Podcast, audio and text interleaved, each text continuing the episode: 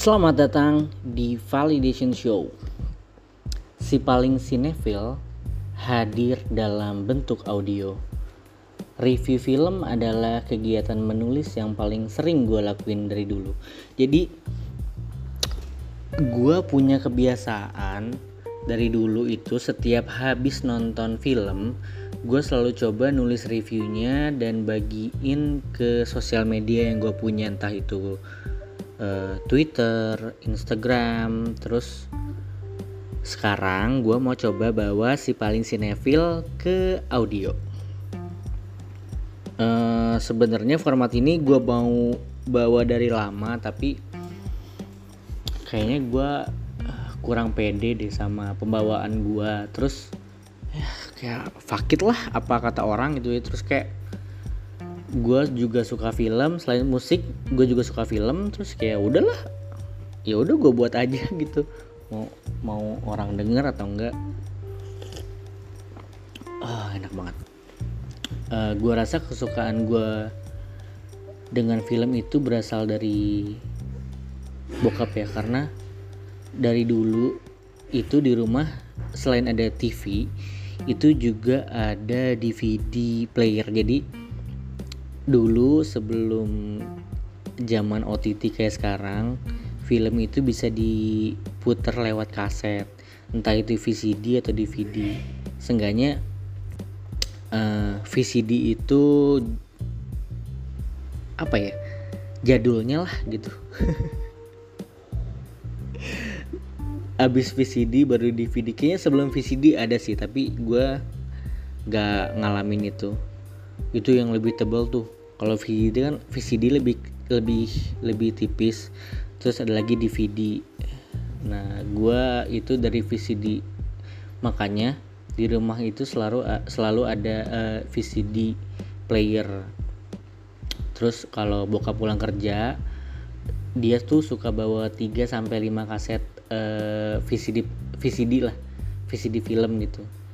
Terus baru ke DVD bajakan tuh dua-duanya. Jadi bawa entah beli dari mana kayak ada aja kayak bawa film bajakan gitu VCD atau DVD karena beda dua uh, bedanya sih dari segi kualitas ya jadi kadang VCD itu lebih kalau sekarang mah mungkin uh, kualitas gambarnya kayak kayak VCD itu 360 pixel sedangkan si DVD tuh bisa Ultra HD atau Full HD gitulah pokoknya kalau misalnya yang nggak tahu ya uh, bokap sendiri paling seneng film perang. Jadi yang gue apa ya yang gue inget sih dia eh kita nonton bareng Black Hawk Down.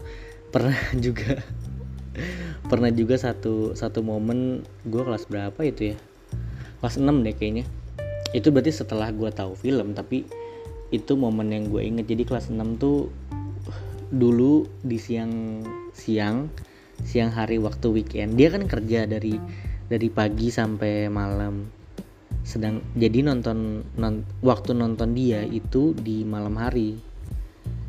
Dan weekend dia itu udah beli CD tuh misalnya di hari Jumat gitulah beli 3 CD otomatis dia nontonnya di hari Sabtu siang dong karena Sabtu sampai eh Senin sampai Jumat dia kerja Senin dia eh Sabtu dia baru santai Sabtu Minggu dia baru santai. Sedangkan di Sabtu siang itu ada lensa olahraga dan sport 7 sport 7 gak sih? Gue lupa pokoknya ada rangkuman berita olahraga uh, Liga Indonesia dan uh, Liga non Indonesia gitu. Jadi kayak Liga Inggris Liga Spanyol Liga Jerman dan sebagainya itu dirangkum di hari Senin dan Selasa. Atau One Stop Football itu dia namanya. Dulu dulu apa namanya pembawa acara Terry Putri sama Hesti Purwadinata. Satu siang satu siang uh, bokap tuh nonton film jam 12 dan lensa olahraga itu waktunya jam satu. Ya jam satu setengah jam. Sedangkan one stop football itu setengah dua setiap hari Sabtu. Dan hari Minggu tuh nggak ada. Jadi lu harus nunggu seminggu untuk lihat rekap Liga Inggris dan Liga Indonesia. Sedangkan hari Senin atau Selasa itu bakal dibahas di sekolah. Jadi kayak misalnya lu nggak nonton One Stop Football atau Liga Indonesia atau sorenya lah sorenya sorenya setiap hari Sabtu tuh misalnya lu main sama teman-teman lu main bola atau main kelereng gitu itu bakal dibahas kayak ih tadi malam Blackburn lawan MU itu berapa berapa Chelsea lawan Wigan itu berapa berapa. Kalau misalnya gue ngelewatin One Stop Football atau Liga Indonesia yang mana gua nggak tahu berita olahraga di pada minggu itu. Oh jadi gini gini gini, gini. One Stop Football itu dan One Stop Football di Liga Indonesia itu lensa eh enggak Liga Indonesia itu ada di hari Sabtu dan hari Minggu. Hari Sabtu itu pra pra pertandingan. Sedangkan Minggu itu pasca pertandingan. Jadi pra pertandingan itu kayak review gitu kayak uh, seberapa besar kemungkinan menang uh, Chelsea lawan Arsenal? Kemu seberapa besar kemungkinan uh, derby London Barat ini siapa yang menang gitu? Jadi kayak kalau misalnya Sabtu lu nggak nonton berarti lu kayak kehilangan topik sama temen lu gitu. Lu nggak tahu nanti kekuatan MU entah itu Van Nistelrooy cedera entah itu sekolah nggak main itu lu gak bakal tahu. Karena berita olahraga tuh dia dari One Stop Football atau dari Liga Indonesia itu terus minggunya itu hasilnya biasanya. Nah hasil dari pertandingannya minggu itu bakal disiarin di Sport 7 jam setengah tujuh. Ya lu kan mau sekolah setengah tujuh lu nggak bisa nonton di Sport 7 sedangkan lensa olahraga uh, One Stop Football itu tontonan wajib gua untuk ngebicarain topik-topik bola sama teman-teman di hari Senin dan hari hari Selasa ya itu. Tapi satu waktu itu diinterupsi sama bokap gue karena bokap gue baru beli 3 sampai 5 kaset lah kalau nggak salah. Dia kan sukanya film film perang. Baru beli itu dia tuh. Dia nonton jam 12 siang karena dia kerja dari dari Senin sampai Jumat pulang malam baru sempat nonton film itu ya Sabtu siang. Karena dia baru bangun siang. Gue sedih karena cuman punya TV cuman punya TV satu. Di dalam di TV itu kan dipasangin DVD player. Nonton film itu harus dari DVD player. Dulu kan belum zaman OTT lu nggak punya Netflix lu nggak lu nggak punya video lu nggak punya uh, Prime lu nggak punya Disney Plus itu belum ada. Jadi satu-satunya cara untuk nonton film itu dengan beli kaset bajakan untuk untuk keluarga menengah. Itu dengan beli film bajakan dan punya DVD player. Kalau nggak salah itu nonton Black Hawk Down. Itu film perang uh, Amerika lawan Irak tentang helikopter Amerika yang yang yang apa ya yang nggak yang yang yang yang ditembak jatuh sama Irak gitu. Jadi nama helikopter itu Black Hawk. Terus nama filmnya Black Hawk Down jadi Black Hawk Down Black Hawk Down itu ada gamenya juga. Makanya itu gue nangis. Gue nggak bisa nonton One Stop Football gue nggak bisa nonton lensa olahraga. Gue nangis sampai ketiduran akhirnya sampai jam 4 karena lensa olahraga itu jam 1 uh, One Stop Football itu setengah dua berarti acara sampai jam 2 gue nangis gue tidur sampai jam gue nangis terus ketiduran sampai jam 4 ya udah akhirnya nggak nonton. One Stop Football dan Lesa olahraga selama satu minggu itu doang sih sebenarnya tapi tapi ya kepikiran aja.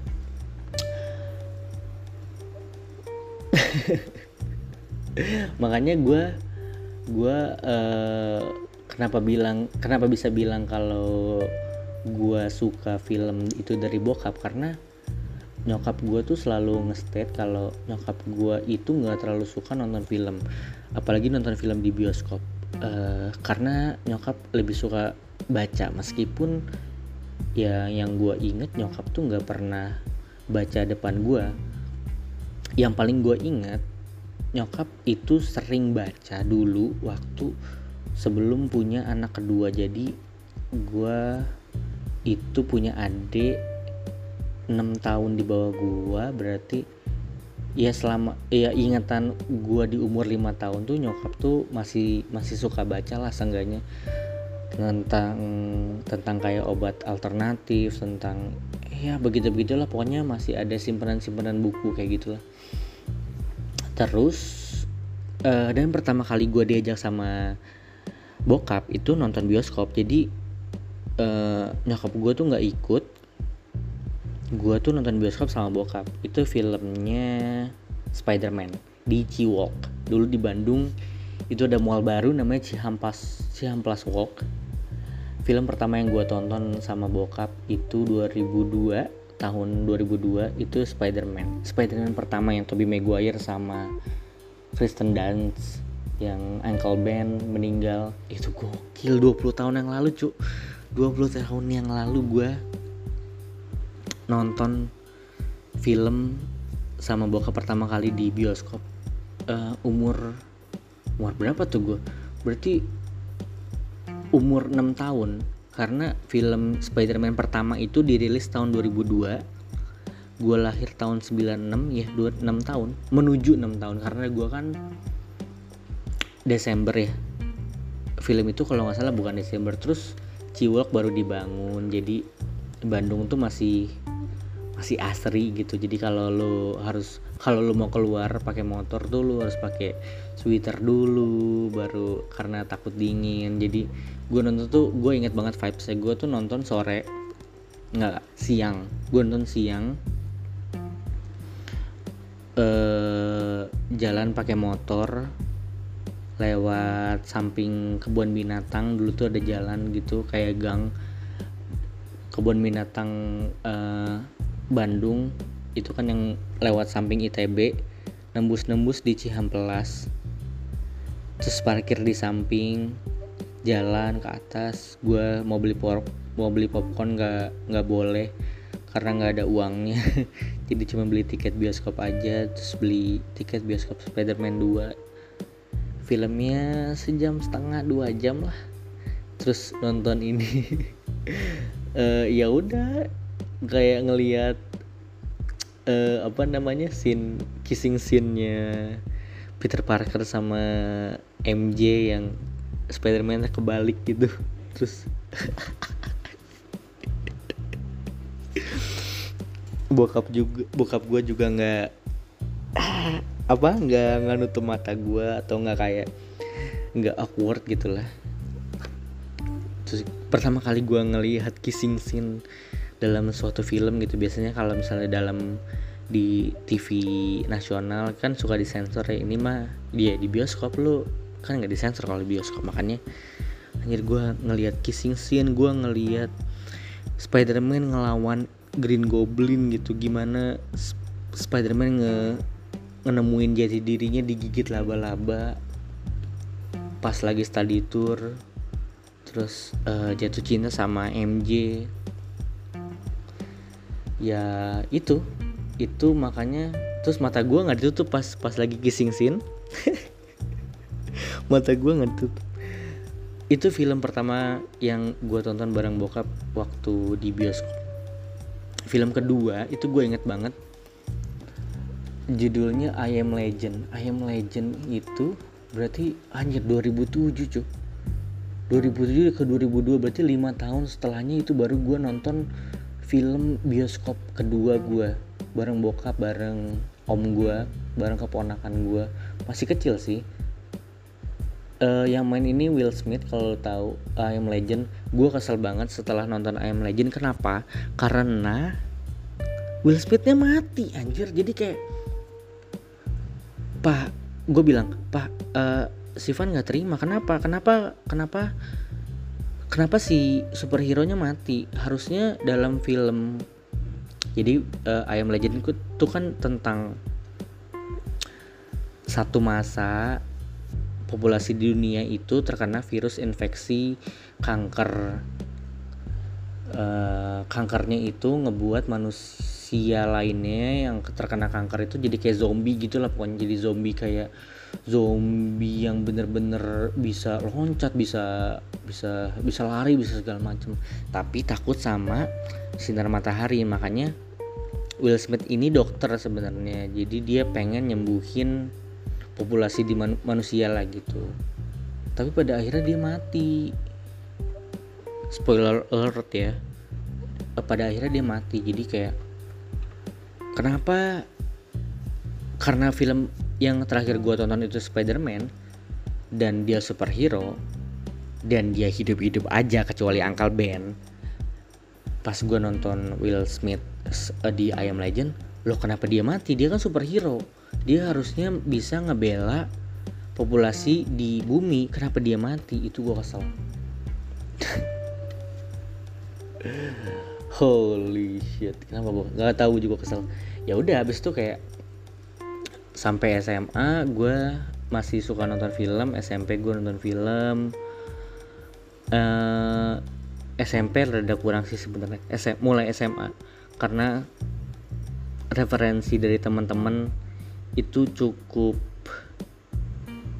cukup oke okay dari dari dari SMA tuh. Jadi kayak dari SMA gue masih suka beli ini DVD bajakan. Jadi karena VCD udah rada nggak zaman dan waktu SMA gue punya uh, eh, PC sendiri di PC kan ada DVD player.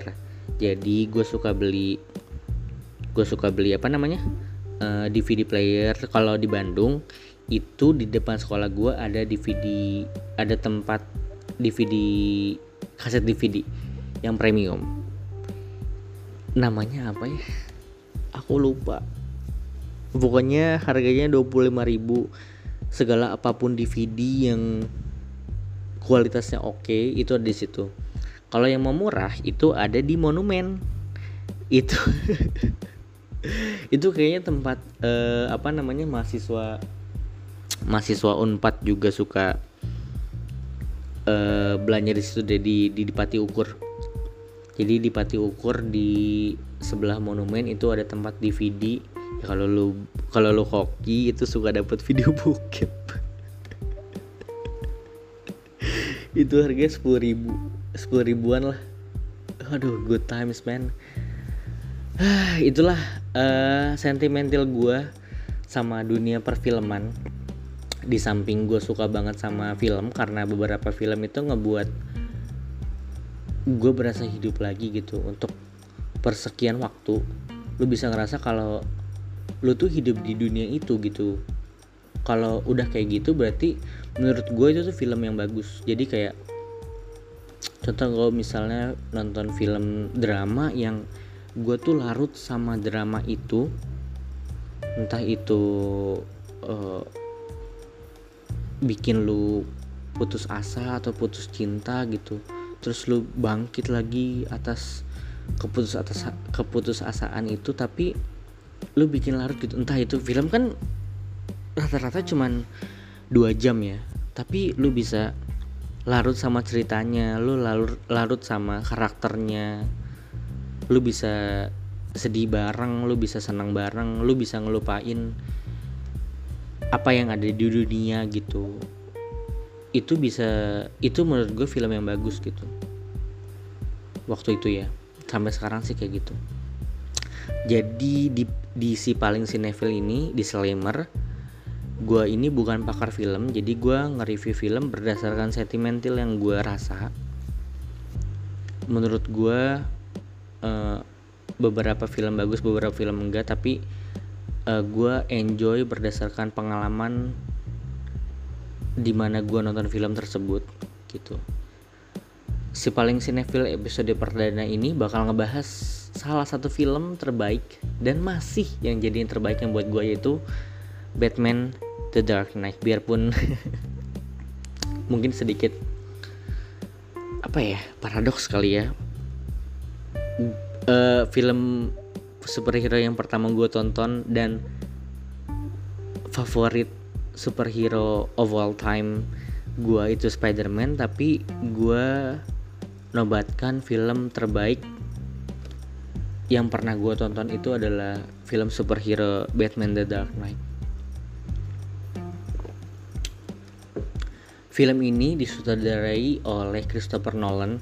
Jadi kalau yang belum tahu Christopher Nolan, oh itu banyak banget fans entah itu yang konservatif, entah itu yang abal-abal gitu ya, entah kayak film nonton film cuman tahu filmnya Nolan banyak banget gue gak mendiskreditkan film Nolan atau gue nggak cenderung ke fanatiknya Nolan tapi gue suka banget filmnya Christopher Nolan yang ini uh, Batman The Dark Knight. Jadi film ini itu adalah sequel film dari Batman Begins.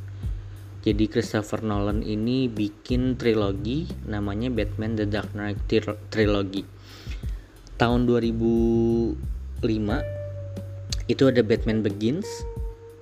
Yang kedua itu ada Batman The Dark Knight di tahun 2008 lalu ada Batman The Dark Knight Rises di tahun 2012 Batman The Dark Knight ini diperankan oleh Kristen Bell sebagai si Batman.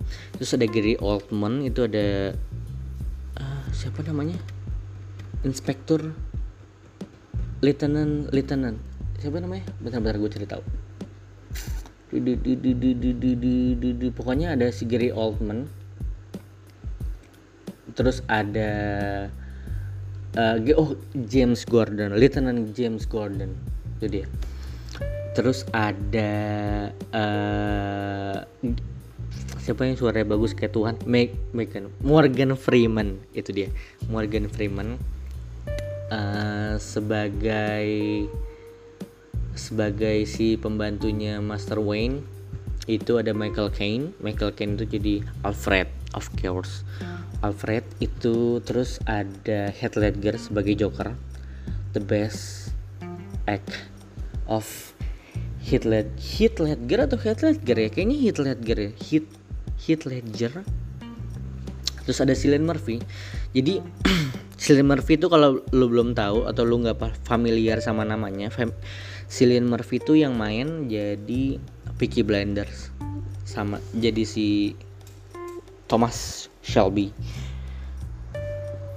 Cenderungnya Christopher Nolan dalam ngecasting itu dia selalu memakai cast yang sama gitu. Jadi kayak contoh di film ini salah satu anak emasnya itu Cillian Murphy. Dia make Cillian Murphy di Batman The Dark Knight, Batman Begins,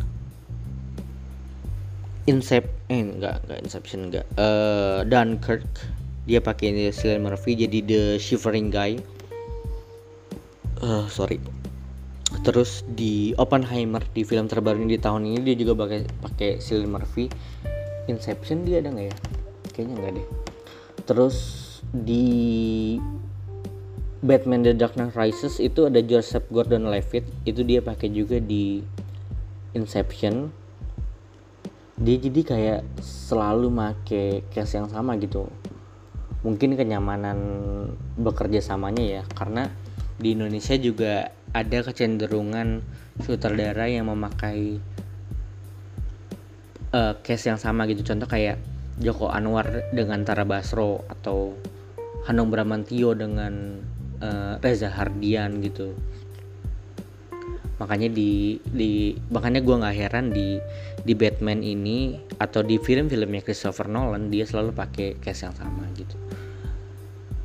Ceritanya Batman sebagai vigilante yang punya dua sisi di Gotham jadi dalam dalam sequel ini Batman itu punya sisi yang pro akan kemain hakimannya sendiri dengan dan yang kontra akan akan hal itu gitu. Karena media di Gotham itu kan ngeberitain kalau oh nggak baik dong harusnya. Kota kita ini punya vigilante yang main hakim sendiri karena memang secara realistisnya sesuatu daerah yang mempunyai satu orang atau satu kelompok yang di luar yurisdiksi daerah tersebut itu mem, e, main hakim sendiri itu emang ngelanggar aturan atau ngelanggar hukum. Jadi polisi atau uh, pemegang wewenang tertinggi dalam suatu daerah itu emang ngelarang vigilante untuk main hakim sendiri. Ya lu bayangin misalnya lu tinggal di Jakarta terus ada ada misalnya kita diresahkan sama begal. Tapi begal ini dibasmi sama Pandarawa tapi versi membasmi kejahatan bukan bukan membersihkan uh, kali gitu. Lu tau kan Pandarawa yang lagi eksis itu yang anak muda ngebersihin kali gitu.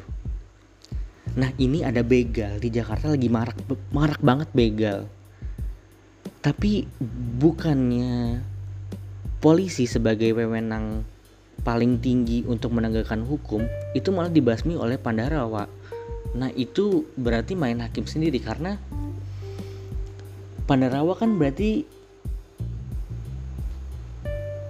uh, dia itu sipil bukannya dia pemegang hukum tertinggi di suatu daerah tersebut. Batman juga begitu. Meskipun yang kita tahu kalau Batman adalah Bruce Wayne, Bruce Wayne adalah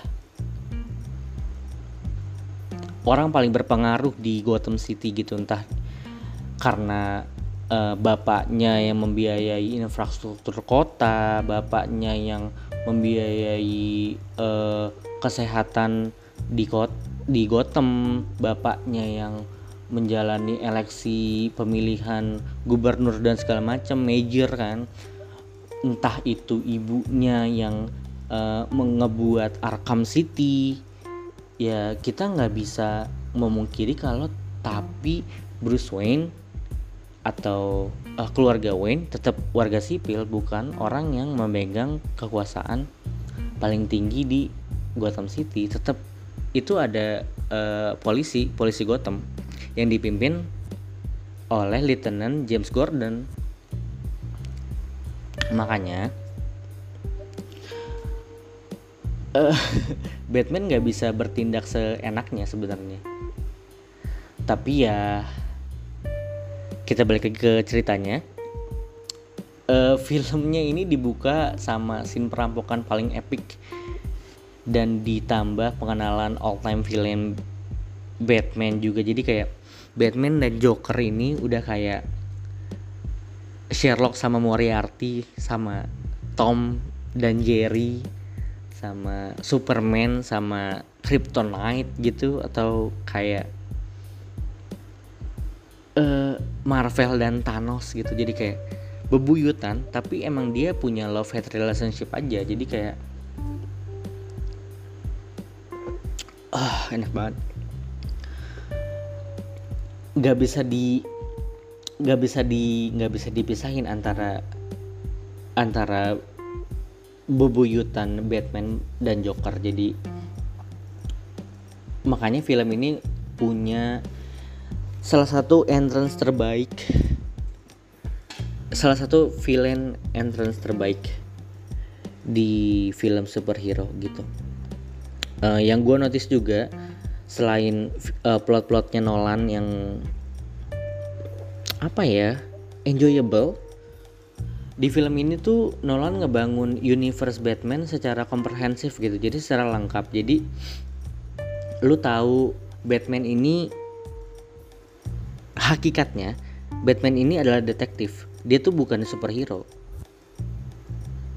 Batman ini detektif untuk ngemecahin suatu masalah jadi dia tuh nggak bakal ngebunuh musuhnya. Dia tuh nggak ngebunuh siapa pun yang dia hajar itu nggak dia bunuh. Dia tuh cuman ngebikin pingsan atau ngebikin cacat. Kalau lu perhatiin dalam setiap koreografi pertengkarannya itu lu gak bakal ngelihat Batman ngebunuh musuhnya atau ya ngebunuh musuhnya. Jadi kayak dia tuh cuman nonjok tapi bikin nggak sadar atau bikin catat lah setengahnya itu nggak mungkin mati musuhnya. Entah itu yang kerocot segala macam. Gue juga nggak tahu kenapa. Kayaknya ya itu karena hakikatnya dia tuh detektif bukan yang superhero membasmi kejahatan nggak gitu. Karena ya itu dia dia cinta sama kotanya dia punya trust isu sama kejahatan karena uh, sebagaimana yang kalian tahu kalau Batman Batman itu lahir atas ketakutan atau trauma yang dia punya dari masa lalu yang orang tuanya itu dibunuh sama uh, kriminal di Gotham City gitu. Dia lagi nonton opera dia nggak betah. Kalau di film trilogi ini dia nggak betah dia keluar dia ngajak orang tuanya keluar terus orang tuanya di dibegal istilahnya kalau misal zaman sekarang dibegal ya akhirnya di, dia orang tuanya udah ambil aja nih duitnya terus tapi akhirnya ditembak gitu. Biarpun pada akhirnya penembaknya dihukum sesuai hukum yang ada gitu. Maksudnya di di di dihukum sesuai jalur peradilan di Gotham City. Makanya yang gue yang gue heran Batman kalau misalnya dari kecil itu datangnya ke psikolog nggak diurus sama Alfred itu mungkin jadi orang yang bener gitu ke gedenya nggak nggak keliaran tiap malam mukul-mukulin orang nggak gitu. Di Batman The Dark Knight ini uh, gue sangat apresiatif untuk castnya pertama karena pemilihan Batman pemilihan Kristen Bell sebagai Batman itu menurut gue sangat sangat sempurna terlebih kepada villain uh, May he rise May, May he rest in peace Heath Ledger. Dia dapat Oscar juga sebagai supporting actor kalau salah ya supporting role. Tapi uh, Heath itu memutuskan untuk bunuh diri sebelum film Batman ini rilis karena dia nggak bisa ngebedain realita dia menjadi Batman dan menjadi dirinya sendiri. Jadi karena peran Batman ini sangat krusial dan sentimental bahkan menurut gue belum ada yang bisa ngalahin Heath Ledger menjadi Bat menjadi Joker gitu ya. Menjadi Joker sorry Joker. Heath Ledger ini jadi Joker belum ada yang bisa ngejelasin peran Heath Ledger menjadi Joker. Mungkin kecuali jo Joaquin Phoenix tapi itu kan belum ketemu Batman ya. Gue sangat harap Joaquin Phoenix ketemu Batman sih. Tapi untuk seorang aktor yang memerankan Joker itu belum ada yang bisa ngalahin Heath Ledger jadi Joker ketemu Batman. Makanya yang gue baca itu dia nggak bisa ngebedain realita di mana dia harus berperan menjadi Joker dan menjadi dirinya sendiri. Karena mempelajari peran Joker itu konon katanya dia harus uh, berkurung diri selama tiga bulan deh kalau salah. Itu cuma makan daging mentah sama minum kopi pahit tanpa gula supaya dia terbiasa lidahnya ngecap-ngecap kayak joker kayak uh, gitu. Lu nggak bisa lihat gue tapi gue memperagain kalau lidah gue keluar keluar gitu. Kayak untuk bisa acting semaksimal itu dia harus mengurung diri di kamar hotel dan makan daging mentah juga minum kopi pahit. Maka dari itu dia nggak bisa ngebedain diri dia dan uh, peran dia menjadi Joker. Gue nggak tahu ya kalau Christopher Nolan ini uh, merasa bersalah atau gimana gitu karena uh, film Inception yang gue baca itu Nolan ngebuat Inception untuk mengenang jasa uh, Heath Ledger karena dia nggak bisa ngebedain yang mana dunia nyata yang mana dunia peran gitu ya Inception kan it's all about dreams and reality kan. Lu nggak bisa ya Leonardo DiCaprio punya istri yang nggak bisa ngebedain dunia nyata dan dunia mimpi gitu. Makanya istrinya menikmati itu film tribute tuh Heath Ledger gitu. Uh, itu trivia factnya ya. Batman sendiri itu dibangun sangat sempurna dalam segi plot dalam segi plot dalam segi cast dalam segi audio scoring. Audio scoringnya. Nah sama dengan case-nya uh, Nolan ini selalu selalu duet audio scoring sama Hans Zimmer namanya. Kalau lu nonton film film Nolan yang lain yang Interstellar itu kan oh, audio scoringnya bagus banget kayak lu pergi keluar angkasa terus lu punya teng teng teng teng nah Nolan itu selalu berkolaborasi audio scoring eh scoring audio dengan Hans Zimmer. Meskipun scoring uh, visualnya itu juga menarik sih. Jadi kayak ada trivia gini. Mungkin ini spoiler alert tapi film ini udah terlalu lama. Jadi lu bisa nonton nggak ada di Netflix, lu bisa nonton di HBO deh kayaknya. HBO atau di Google lu bisa ngerental di Google. Dalam satu scene hmm, Joker mau ngeledakin salah satu rumah sakit di Gotham City. Rumah sakit itu ada ada salah satu kolega ada salah satu keluarga dari polisi-polisi yang ada di Gotham. Jadi Joker nih ngemainin mental masyarakat Gotham gitu. Bahkan polisi-polisi Gotham yang mana polisi Gotham itu kan punya wewenang tertinggi hukum di daerah tersebut gitu. Joker ini mau ngeledakin satu rumah sakit. Ada satu scene di mana detonator bomnya itu nggak nggak nggak kepencet. Eh dipencet. Dipencet dipencet dipencet dipencet dipencet tapi gak meledak. Jadi usut punya usut itu uh, improvisasi dari Heath Ledger dan detonatornya emang telat. Tapi ya akhirnya rumah sakitnya meledak of course. Tapi itu brilliant act from Heath Ledger. And he's such a good actor man on that film.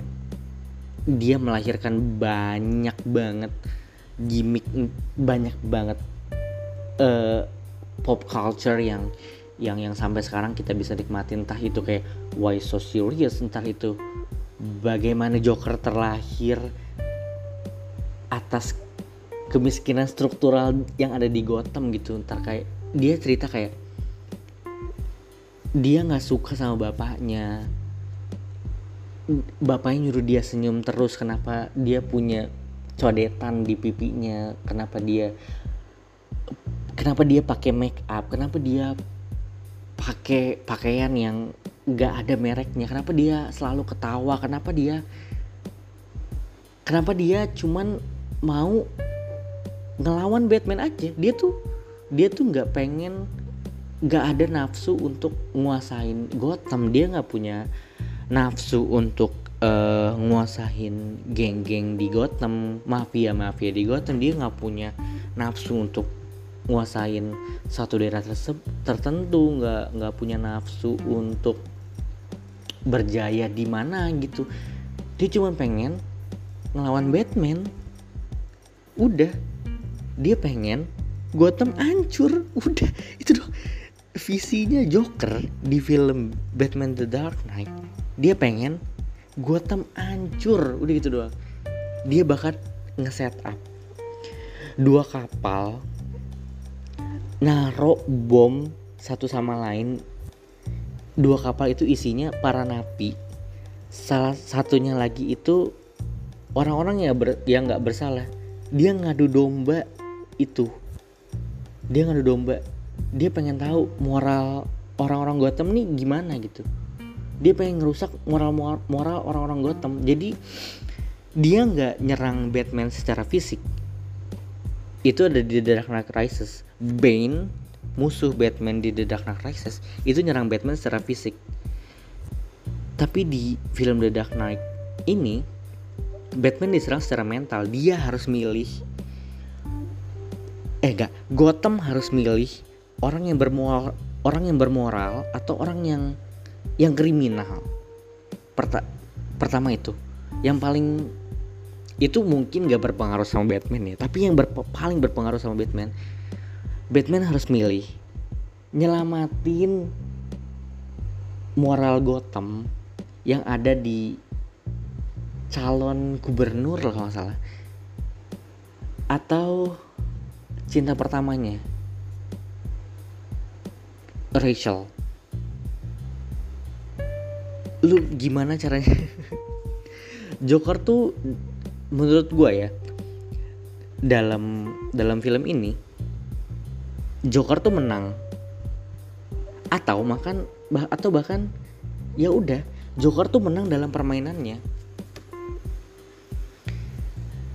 Batman kalah dalam mental. Jadi di di film ini Batman tuh kalah secara mental. Jadi Batman tuh dihajar banget mentalnya entah itu dia bisa nyeting mafia-mafia di Gotham untuk percaya sama dia segala macam lah.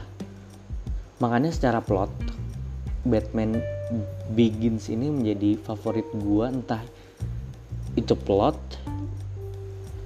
Bukan masalah plot twist ya gua nggak gua nggak mendewakan film-film yang plot twist itu berarti yang bagus banget gitu. Enggak enggak enggak enggak enggak enggak plot yang menurut gue sederhana ini tapi udah udah udah mencerminkan kalau film superhero tuh nggak cuma nyelamatin dunia. Kalau film superhero tuh berhak kalah. Batman di sini itu kalah. Makanya The Dark Knight itu disematkan sama Batman karena dia ngebela dia ngebela warga Gotham. Dia rela citranya buruk dari warga Gotham untuk untuk ngebela kepentingan umum gitu. Jadi kayak uh, yang dia bela yang dia lawan itu memang kepentingan umum tapi citranya tuh rusak. Karena gini ya balik yang ke awal kalau kalau misalnya di daerah kita banyak begal dan ada satu kelompok yang ngebasmi atau satu orang yang ngebasmi itu tetap namanya maki, main hakim sendiri. Lu nggak bisa ngebasmi satu kriminal atas nama diri lu. Itu kayak two wrongs doesn't make it right dua kesalahan itu nggak ngebuat lu jadi yang baik. Batman di sini itu bukan yuridiksi tertinggi dalam satu daerah untuk menanggulangi hukum bukan. Kalau misalnya ada orang yang bisa menanggulangi hukum ya itu harus disahkan secara hukum. Entah itu gubernurnya entah itu polisi. Batman ini bukan orang yang secara yuridiksi itu sah uh, menanggulangi kejahatan. Makanya disebut The Dark Knight. Untuk sebagian orang ya setuju-setuju aja. Mungkin orang-orang tersebut itu nggak percaya sama uh, ya otoritas dalam daerah tersebut. Entah itu polisi entah itu pemerintahnya gitu makanya ada si White Knight. White Knight ini orang yang secara sah dipilih oleh elektabilitas uh, suatu daerah tersebut Gotham City. Itu si Two Face. Itu makanya dia disebutnya White Knight si Aaron Eckhart. Harvey Dent. That's right. Film ini sayang banget nggak di nggak di nggak dimaksimalin sama scene scene Heath Ledger yang harusnya bisa punya porsi lebih karena beliau udah meninggal bunuh diri. Karena yang gue baca ya mereka uh, dia tuh harusnya punya porsi lebih sih di film itu. Oh sayang sekali. Kalau misalnya lo punya mau nonton film-film Heath Ledger uh, break, uh, sebelumnya selain yang film Joker ini eh film Joker film Batman ini lo bisa nonton di apa sih? Ten ten things I hate about you. Ten Things I Hate About You. Itu bagus banget film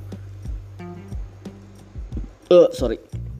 Film romantis yang bagus banget bagus banget bagus banget itu film. Heath Ledger itu yang main uh, gua saranin lu gua saranin lu nonton trilogi Batman yang ini. Itu Batman Begins, Batman The Dark Knight, dan Batman The Dark Knight Rises. Batman Begins itu filmnya si Scarecrow yang diperanin sama Cillian Murphy. Nah Batman Begins ini Joker Heath Ledger of course. Dan The Dark Knight Rises itu si Tom Hardy. Itu aja review film Batman dari gue dan beserta insightnya mungkin bermanfaat. Ah gue seneng banget ngerekam film review film ini karena pertama filmnya gue suka terus akhirnya gue bisa rekaman uh, membahas film gitu. Jadi semoga kalian suka. Kalau misalnya kalian suka bisa nyalain lonceng di Spotify. I'll see you next time. Ciao